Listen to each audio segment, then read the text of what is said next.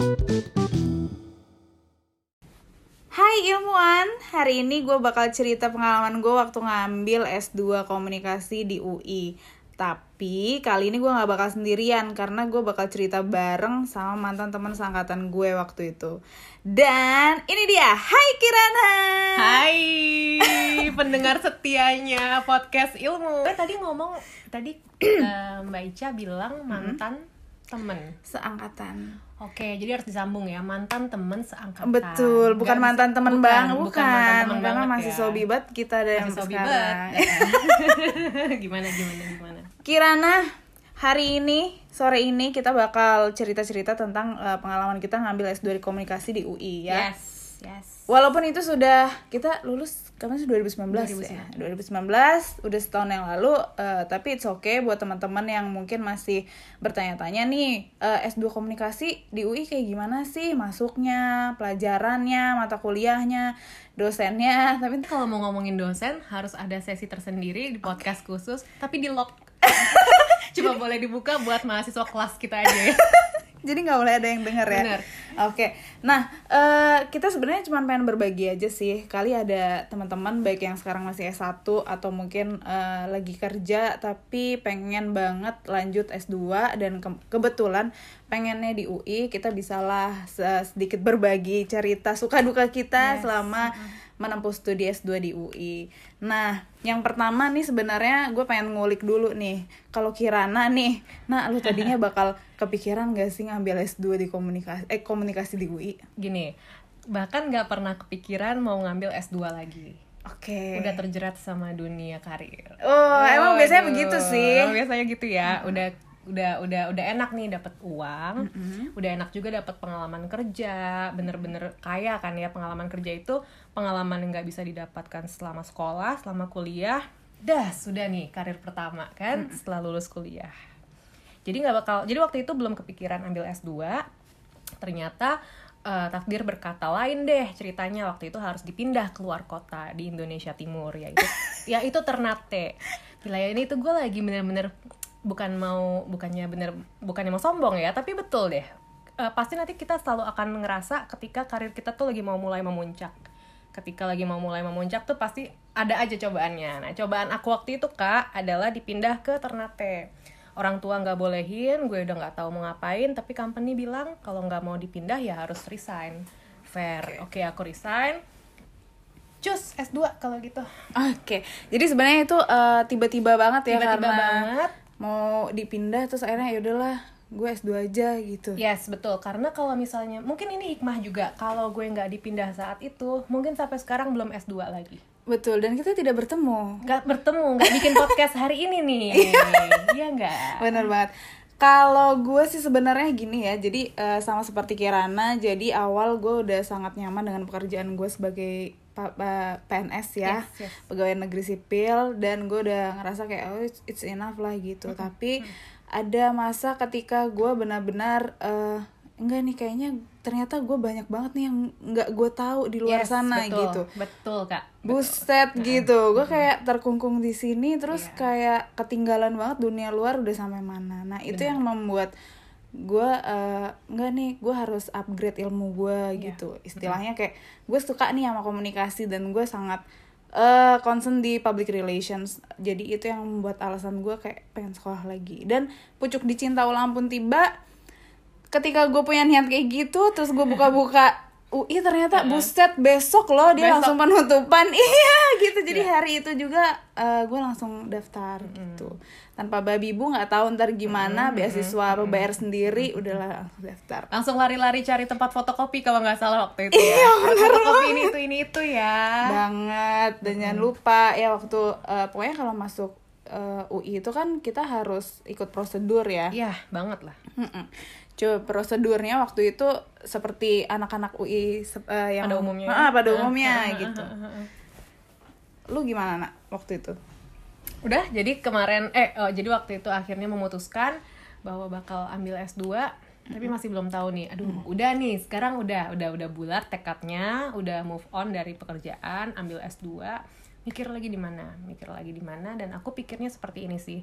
Mungkin karena aku S1-nya dulu nggak mau di negeri, S2-nya jadi penasaran nih pengen banget di negeri. Mm-mm. dulu bener deh pas kuliah S1 itu udahlah nggak usah repot-repot. Gue memang maunya swasta dan sudah tahu eh, kampus mana yang memang kompeten dalam eh, mendidik mahasiswanya di ilmu kehumasan PR yaitu waktu itu London School. Mm-mm. jadi waktu itu kuliah di London School di LSPR London School of Public Relations terus kemudian berkarir lalu habis itu ternyata karirnya ada cobaan baru habis itu S2 mikir deh ya udah berarti ini saatnya memang betul ini eh, jalan gue untuk ambil negeri ya udah kita coba UI nggak usah tanggung tanggung Lu dulu simak lu gimana sih?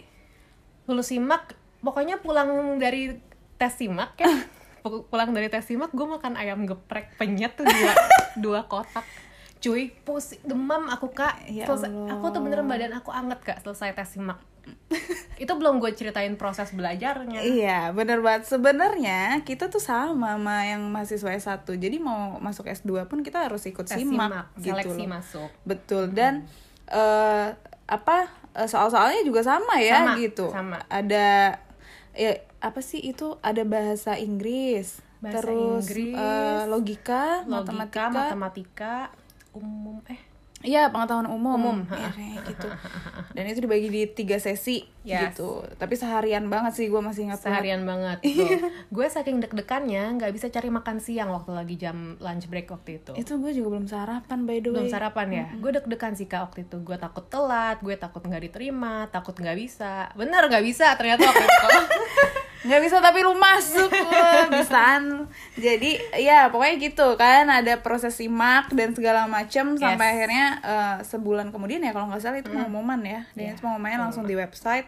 Alhamdulillah kita berdua keterima tapi berdua waktu itu kita belum saling kenal. Iya.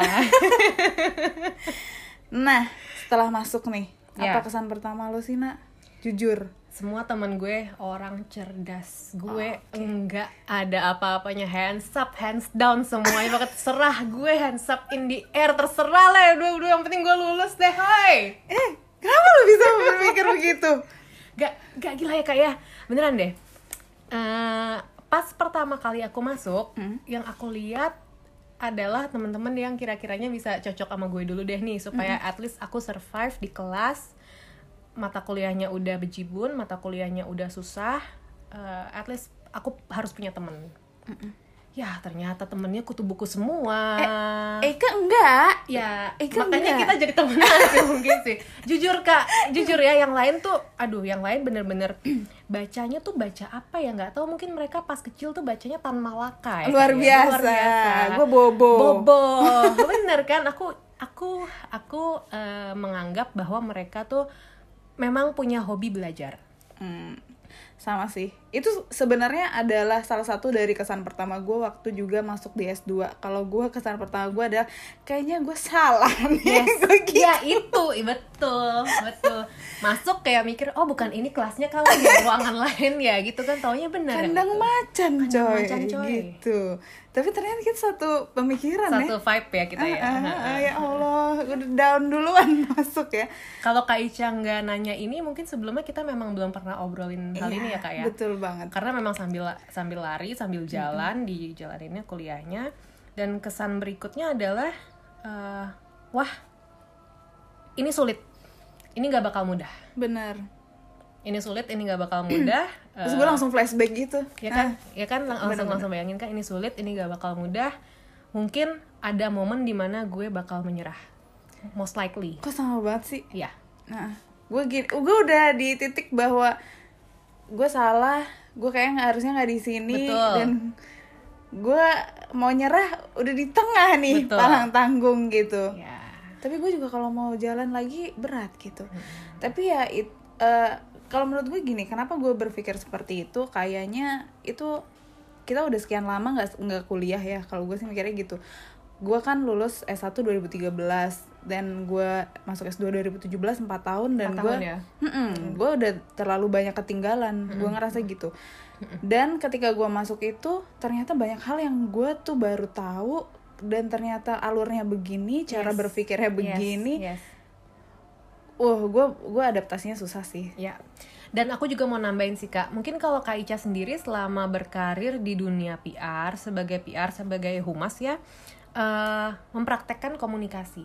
betul. Selama kuliah kita bukan hanya mempraktekkan komunikasi eh, lewat pembicaraan atau public speaking, kita jauh lebih banyak menulis, jauh lebih banyak menulis, menulis, menulis, menulis itu paper, paper, paper terus kan. Jadi yang dilatih bukan bukan bukan wicara lagi, tapi bagaimana kita mampu mendengarkan dosen, membaca, menyerap apa yang di diinformasikan dosen, mengulik konsep, mengimplementasikan konsep tersebut ke paper, jadilah. Gila sih kita dituntut untuk punya alur berpikir yang runut Betul. Nah, Iya itu kan? ya, betul. Betul, Kak. Luar betul, biasa betul. memang. Itu itu salah satu ujian eh, beratnya juga untuk anak-anak yang banyak berkarir di bidang eh, komunikasi. Selama ini mungkinkah kita udah berpikir runut? Mungkin belum. Belum. Karena kita lebih banyak bicara, lebih banyak speaking, tapi mungkin kita masih kurang menulis. Mari kita akui itu eh, lewat mendengarkan dan menulis yang lebih baik lagi dan kita pasti bakal jadi manusia-manusia yang mempelajari komunikasi dengan baik. Iya, benar banget. Itu nanti akan ngaruh kok ke pengaplikasian kita sehari-hari kan, gitu. Jadi kita lebih lebih tertata lah ngomongnya Iya, gitu iya, kan. iya, Apalagi ya pokoknya banyak banget lah. Ternyata yang membuka mata kita ya waktu Betul, itu. Kak. Nah, tugas-tugasnya nih. Sebentar sebelum ngomongin tugas kayak gue gini deh. Ya kan tadi pas dijalanin ya lu udah cerita ya, Dek. Iya, udah. Nah, tugas-tugasnya nih gambaran tugas S2-nya komunikasi di UI itu kayak gimana sih? Mm. Sebenarnya Kak Ica ini adalah salah satu orang yang jadi role model aku dalam mengerja- dalam mengerjakan tugas.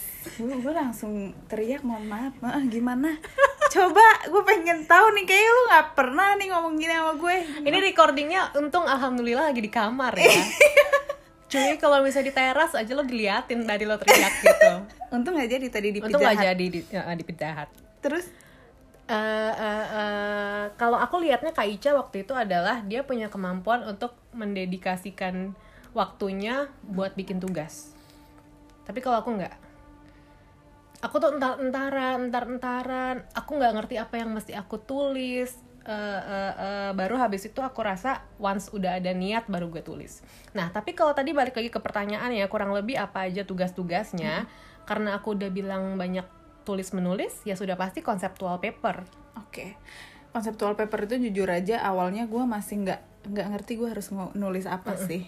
Ya yang namanya konseptual paper dan gue selalu benci banget sama yang namanya tugas konseptual Yes, paper yes, gitu yes. tapi eh, apa ya akhirnya gini sebenarnya di konseptual paper itu kita kayak dipaksa buat baca Betul. gitu kan Betul. jurnal segabrak-gabrak, buku segabrak-gabrak harus dilahap ih minimal 20 buku dalam Yes. semalam gitu. Yes. 20 jurnal I mean gitu dalam semalam gitu. Itu eh ya itulah kenapa gue dulu sangat sangat kurang menyukai tugas itu ya. Tapi memang namanya orang ya baru sadarnya tuh di belakangan gitu. Iya. Oh ya kita baru ngerasain manfaatnya nih gitu. Ternyata ini bikin kita begini-begini gitu. Ya nggak Iya. sih? Selain konseptual paper tuh apalagi tuh yang bisa bikin kita lembur tuh sampai nggak nggak ini nggak tidur Konseptual paper eh apalagi ya kayak kebanyakan sih paper ya. Memang memang memang paper jauh lebih banyak dibanding yang non paper kayak presentasi. Oh, presentasi juga banyak. Oh iya benar. Jangan salah, presentasi juga eh, seminggu itu kita bisa 2 sampai tiga kali sih Kak presentasi di di di mata kuliah mata kuliah tertentu.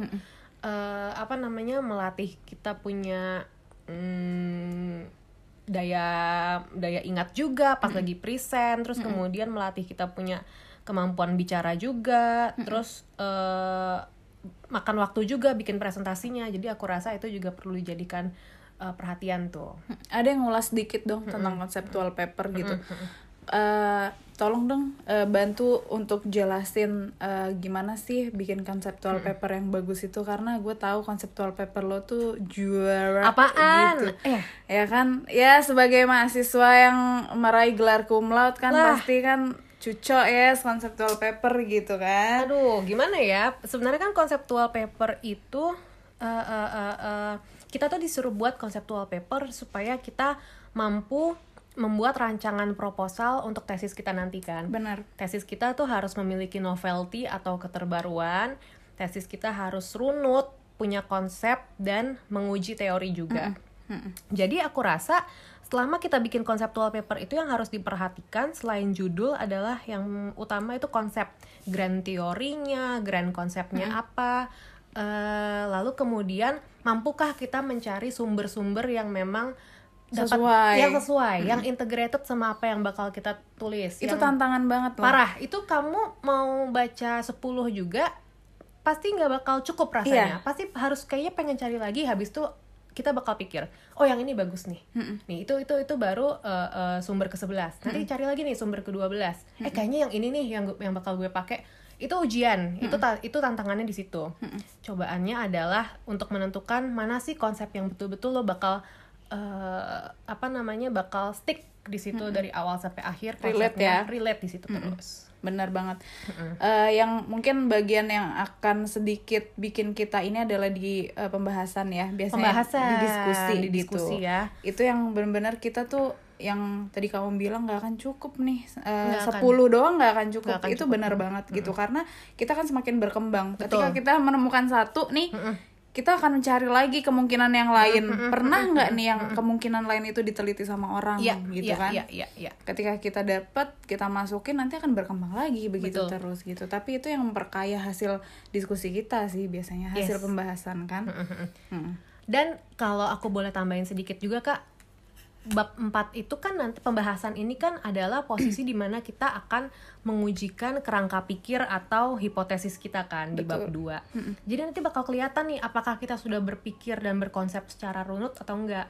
Apa yang lo tulis di bab 2 terimplementasikan nggak ke bab 4. bener banget. Kadang-kadang aduh iya. gila sih itu sih parah. Kadang-kadang bab 2 nya rapi nih. Udah rapi apa aja yang bakal kita konsepkan apa aja yang bakal kita tulis.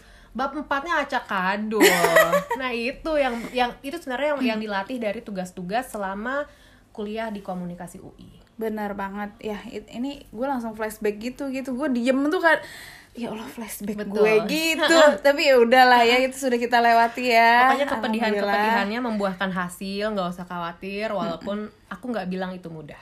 Benar banget. Sebenarnya mungkin kita bisa mengerjakan itu kayaknya sih gampang kayaknya. Cuman waktu itu kan pressure kita nggak cuma di situ aja ya di waktu juga. Karena Betul. dalam satu hari kita bisa ada lima tugas yang kayak gitu semua. Ya cuy bayangin. lima ya dulu ya? Iya lima cuy. Nah, apalagi kalau lagi uas. Hmm, hmm, kan? Banyak loh sis. Heeh, banyak banget memang. Gila loh. Kita bisa ya? Wow. Selesai loh kita. Selesai lagi. Ya oke.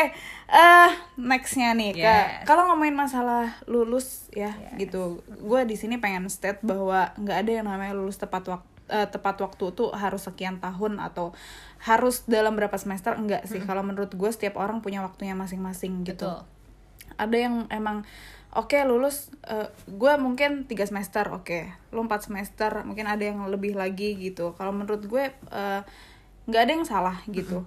Eh, menurut gue itu adalah suatu proses pembelajaran kayak Iya. gitu. Semakin memang lo apa namanya mungkin masih ada yang mau lo gali atau apa gitu kan it's okay gitu jadi eh, kalau sekarang sih buat eh, ininya ini aja deh nah eh, Kirana tips and triknya aja Mm-mm. Kirana bisa lulus 4 semester. punya timeline Oke. punya timeline, gimana tuh? itu harus terserah deh mau dicatat mau itu betul-betul disimpan dalam uh, pikiran kita aja mau dikasih tahu ke orang tua supaya kita juga dibantu ingetin terserah. Tapi yang jelas timeline selama kita kuliah ini beneran deh akan jadi cerminan bagaimana kita mengatur timeline di masa depan di karir di kehidupan sendiri. Jadi ini bener-bener latihan. Ini bukan kuliah S1 ini bukan sekolah ini kuliah S2 yang di mana kalau misalnya kamu lulus tepat waktu atau bahkan lebih cepat itu impactnya sangat amat besar sekali ke pekerjaan dan ke masa depan. Oh, oke. ya. Jadi kalau misalnya menurut aku mendingan sih bikin timeline eh, eh, eh, usahakan supaya mengikuti semua mata kuliah supaya nggak perlu ada yang diulang. Lalu kemudian eh, mungkin kita nggak perlu nggak perlu perfeksionis. Oke. Setuju sih gue sama itu. yes. Menurut aku orang yang mengakui dirinya perfeksionis justru gimana ya ini semoga nggak menyindir siapa-siapa ya tapi teman-teman kalau misalnya masih ada yang sampai saat ini menganggap diri teman-teman perfeksionis lebih baik eh, eh, ambil napas diam sebentar diam sejenak ambil napas pikirkan lagi sudah seberapa membantu sih sikap perfeksionis kita itu atau malah memperlambat kita dalam pergerakan Luar biasa quotesnya. Oh, Kirana 2020 ya. Aduh. Gue langsung ternganga-nganga. Itu benar banget. Benar banget. Mau gue lanjutkan. Betul. Jadi menurut aku di masing-masing mata kuliah tidak perlu seperfeksionis itu, cukup menjalankan yang terbaik aja, dapat nilai baik sudah cukup. Kalau sudah baik, bisa pindah ke yang berikutnya. Bisa pindah ke yang berikutnya, bisa kepindah ke yang berikutnya. Nah, that way kita bisa ngejar tuh kuliah lulus 2 tahun. Terutama nanti pasti tesis. Jadi teman-teman jangan abisin waktu di jangan abisin energi yang terlalu banyak saat eh, ngelewatin kelas, tapi energinya itu difokuskan buat yang di ujung nih. Nanti pas di finish kita jauh lebih berat dibanding eh, kelas sehari-hari. Oke, setuju banget. Yes. Gitu. Jadi eh, semua itu juga termasuk pilihan ya gitu. Makanya kan ada eh, kalau gue sih eh, gue lulus di semester ketiga gitu. Ya, ya betul. gue. Dan aku melewati semua history Iya. dan susah payahnya Kak Ica. Iya, tapi jangan dilihat kayak udah ya enak ya bisa lulus satu setengah tahun atau apa. Oh itu berat banget guys gitu karena eh sebenarnya motivasi gue apa ya? Buat lulus satu setengah tahun gue juga nggak nggak terlalu nggak terlalu ambi sih sebenarnya. Gue hanya berjalan aja dan yang jelas gue waktu itu ngerasa kayak gue kan dapat tugas belajar nih cuti tugas belajar dari kantor gitu. Kalau nggak gue manfaatin dengan maksimal ya kayaknya kok ya rugi banget. Gue mikirnya gitu aja. Jadi ketika ada waktu kosong ya gue kerjain. Ketika gue ada sih waktu-waktu gue nggak mood itu pasti ada gitu. Tapi eh pokoknya intinya gini gue tuh bener-bener berjalan seberjalannya aja gitu loh. Kalau memang ternyata Tuhan ngasih eh, kem- apa ngasih gue untuk ya udah lo bisa selesai nih di sekarang nih gitu ya oh ya alhamdulillah gitu. Kalaupun enggak gue istilahnya gue nggak masalah waktu itu Yes, gitu. Jadi yes. ya ternyata ya memang ujiannya juga ada juga Iya, gitu kan? Iya, dari ya pasti ada lah. Pasti. ada yang bikin nangis nangis juga pasti ada gitu. Betul, betul. tapi ya udah itu kan sudah terlewati. Pokoknya intinya buat teman-teman eh, kita memang apa ya perlu banget punya timeline gitu. Perlu. dan seperti yang tadi Kirana ngomong tuh tadi aku setuju banget. Kita nggak perlu mencurahkan energi kita terlalu banyak. banyak, di awal karena justru ujung yang membutuhkan energi kita pul pol-polan kalau aku Yes, bilang ya yes, gitu yes. nah ini kan udah ngomongin masalah tesis nih Iya, udah ngomongin masalah cobaan nih ya. Harusnya sekarang yang enak-enaknya nih, enggak ya? Enggak juga. Enggak juga. Cuman ini gini aja deh. eh, singkat aja. Waktu mau mulai tesis eh, itu prosesnya kayak gimana? Prosesnya ya, sebenarnya sih kalau mau diceritain detailnya panjang ya, panjang. Tapi aku pengen meng- pengen highlight satu momen di mana aku ambil kerja untuk menulis tesis. Oke. gitu. Jadi aku waktu itu ambil temporary job temporary position di ruang guru Mm-mm. selama tiga bulan empat bulan tiga bulan ya ya udahlah ya. Let's say tiga bulan empat bulan itu aku kerja di situ aku praktek sebagai eh, sales sales lead. Dan waktu itu eh, adalah momen di mana aku mesti menyerap semua bisnis model mereka karena mereka startup startup itu kan eh, usaha yang sebenarnya konsepnya itu belum pernah dimiliki sama orang lain makanya konsepnya sedang divalidasi lewat pekerja eh lewat bisnis yang mereka lagi jalankan sekarang. Nah, jadi aku lihat nih. Jadi aku lihat, aku perhatikan, aku ikut kerja, aku ikut jalanin. Lalu kemudian semua yang aku sudah serap dari pekerjaan tersebut sebagai sales, aku implementasikan jadi tesis. Jadi aku bentuk mo- bisnis model baru eh, bentuk model baru yang yang digunakan untuk mencari apakah model tersebut berguna atau enggak dalam eh, melakukan keputusan pembelian di aplikasi ruang guru. Itu semester berapa, Dek? Semester Tiga, akhir, semester 3. Semester 3 kamu mencoba adaptas eh ad- adopt dari eh, pekerjaan, Pekerjaan, kan, gitu. Benar. Iya, oke. Berarti memang kita sudah harus ancang-ancang dari semester 3 ya. Betul. lu mau ngapain ya udah lu lakuin apa yang mendukung Untuk eh, tesis lo. lo gitu nah kalau aku sendiri emang waktu itu eh, di ini eh, liburan kita semesteran tuh liburan kita semesteran semester 2 itu gua ngerasa kayak udah waktunya gue cari topik gitu jadi memang Liburan semester 2 nih. iya liburan semester 2 gue pacaran sih dulu semester 2 sih asli. Ya Allah Tuhan ini sambil jalan sih sebenarnya. Dua-duanya jalan ya Kak Jalan. Ica? This is why kenapa Kak Ica adalah role model Gila gue. lo, dasar eh sini dulu. Nah dia dia mau Mendekat, ke mana mendekat, iya mendekat mendekat. ya jadi waktu itu liburan gue ngerasa kayak kayak gue cari-cari topik deh cari-cari topiknya itu tadi dari jurnal-jurnal yang udah pernah gue eh, tulis kemudian juga paper-paper yang udah pernah gue tulis mana yang mau gue angkat dari konsepnya. Ya udah dari situ start gue semester 3 semester 3 awal gue konsul-konsul dan ternyata udah langsung bisa dapat dosen pembimbing and then itu jalan satu semester gitu. Jadi ya itu tadi yang gue bilang gue tuh jalan-jalan aja. Gue nggak ada ambi apa pun itu gitu. Motivasi gue juga bukan yang gue harus ini gitu. Ya gue jalan-jalan aja gitu. Nah kalau eh, kalau Kirana kan kalau gue lihat karena dia dia lebih luar biasa sih kalau menurut gue karena dia kerja iya tesis iya dan dia bisa eh, apa menyelesaikan itu dalam waktu yang istilahnya eh, ideal lah ideal. Iya, ideal gitu. ideal bagi aku ya. Ideal bagimu, ya, maksudnya dalam waktu dua semester dia sudah menyelesaikan itu, ya itu menurut gue juga sangat, ya itu lah kenapa gitu, karena gue juga nggak kerja deh gitu. Kalau gue waktu itu lagi nggak kerja, terus Yes. kalau misalnya gue gue tidak melak tidak mengerjakan itu ya gue akan merasa sangat membuang-buang waktu gue waktu itu ya. Tapi balik lagi ini masalah eh, ini subjektif sih Bener. gitu. Tergantung pribadi masing-masing. Gue nggak mau ngejudge siapa pun dan apa pun gitu. Iya, dan yang aku pengen kasih tahu juga adalah eh, di semester 3 ini nggak harus ambil kerja, nggak harus atau nggak nggak harus juga di, di semester 2 udah mulai nulis. Jangan, maksud eh, jangan kalau memang kalian nggak merasa serak untuk ambil kerja, nggak merasa serak untuk colong start ya udah nanti gitu. Karena memang eh, keinginan itu timbul ketika kita betul-betul dapat ide, dapat dukungan, dapat pokoknya semesta mendukung lah. Bener banget. Terus- kebetulan waktu itu pas semester 3 juga lagi lihat lowongan ya udah jadi eh, aku saling melengkapi aja gitu. Jadi intinya untuk eh, cobaan tesis itu waktu aku lakukan banyak sekali karena ada as- ada dua aspek di sini. Aspek pekerjaan dan aspek kuliah Oh, aspek percintaan lu juga tiga. ngomong-ngomong. Tiga kalau gitu ya, udah. aspek Eh, pekerjaan eh, aspek dong. percintaan dan aspek kuliah. Teman-teman yang lagi dengerin podcast Kak Ica ini aku harap kurang-kurangin jadi bucinnya. Itu bisa dilatih.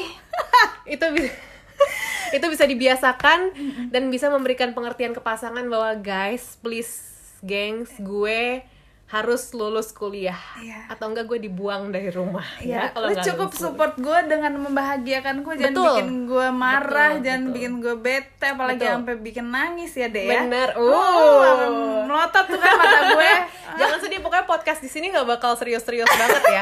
Ini tetap akan di tetap akan di blend dengan dunia percintaan, dunia pertemanan dunia ya. kita sehari-hari Dunia kita kan? sehari-hari karena yang dengerin juga ya ya ya ya ya anak muda pada umumnya ya nggak sih? Gue nggak yakin lo pada semua sebenarnya mulus-mulus aja percintaannya lo semua juga banyak. Bisa Nggak, diambil eh, pelajaran, ya Pelajaran. walaupun dia juga ada cobaan percintaan tapi dia tetap eh, inilah jalan tesisnya itu luar biasa. Salut juga lo gue lo ya udah. Oke eh, kayaknya ini kita udah ternyata kita udah lama banget Eh, ya Dek. seru loh. Kita nggak berasa ya dek. Nggak berasa rekaman nggak maksudnya. nggak berasa rekaman Iya. udah setengah jam semoga apa yang udah kita utarain di sini benar-benar bisa diserap deh. Benar banget. Ya maksudnya yang ba- yang baik-baik bisa diambil. Kalau yang buruk-buruk jangan. Iya. tetap aja pokoknya gue eh, selalu pesan itulah di podcast podcast gue podcast lagi. Ya udah pokoknya gitu ya. Oke Kirana terima kasih banyak buat waktunya. Thank you banget Kak Ica. Thank you banget listener terima kasih. Ya terima semoga ini bisa menjadi apa ya eh, pengetahuan awal ya maksudnya info-info aja info awal buat teman-teman yang mungkin ada rencana buat kuliah S2 di kom- eh, komunikasi di UI asik kok sebenarnya gitu dan gue ngerasa banyak banget yang gue dapetin ilmu-ilmu yang gue dapetin eh, dari dosen-dosen dari teman-teman gitu dari tugas-tugas kita sehari-hari dan sangat apa ya berguna ketika gue akhirnya lulus gitu. Ya udah pokoknya gitu aja. Sampai jumpa di episode selanjutnya. Semoga eh, tetap mau nggak nggak kapok dan nggak bosan tetap mau dengerin podcast aku. Ya oke. Eh, Ica Liza pamit. Dah see you.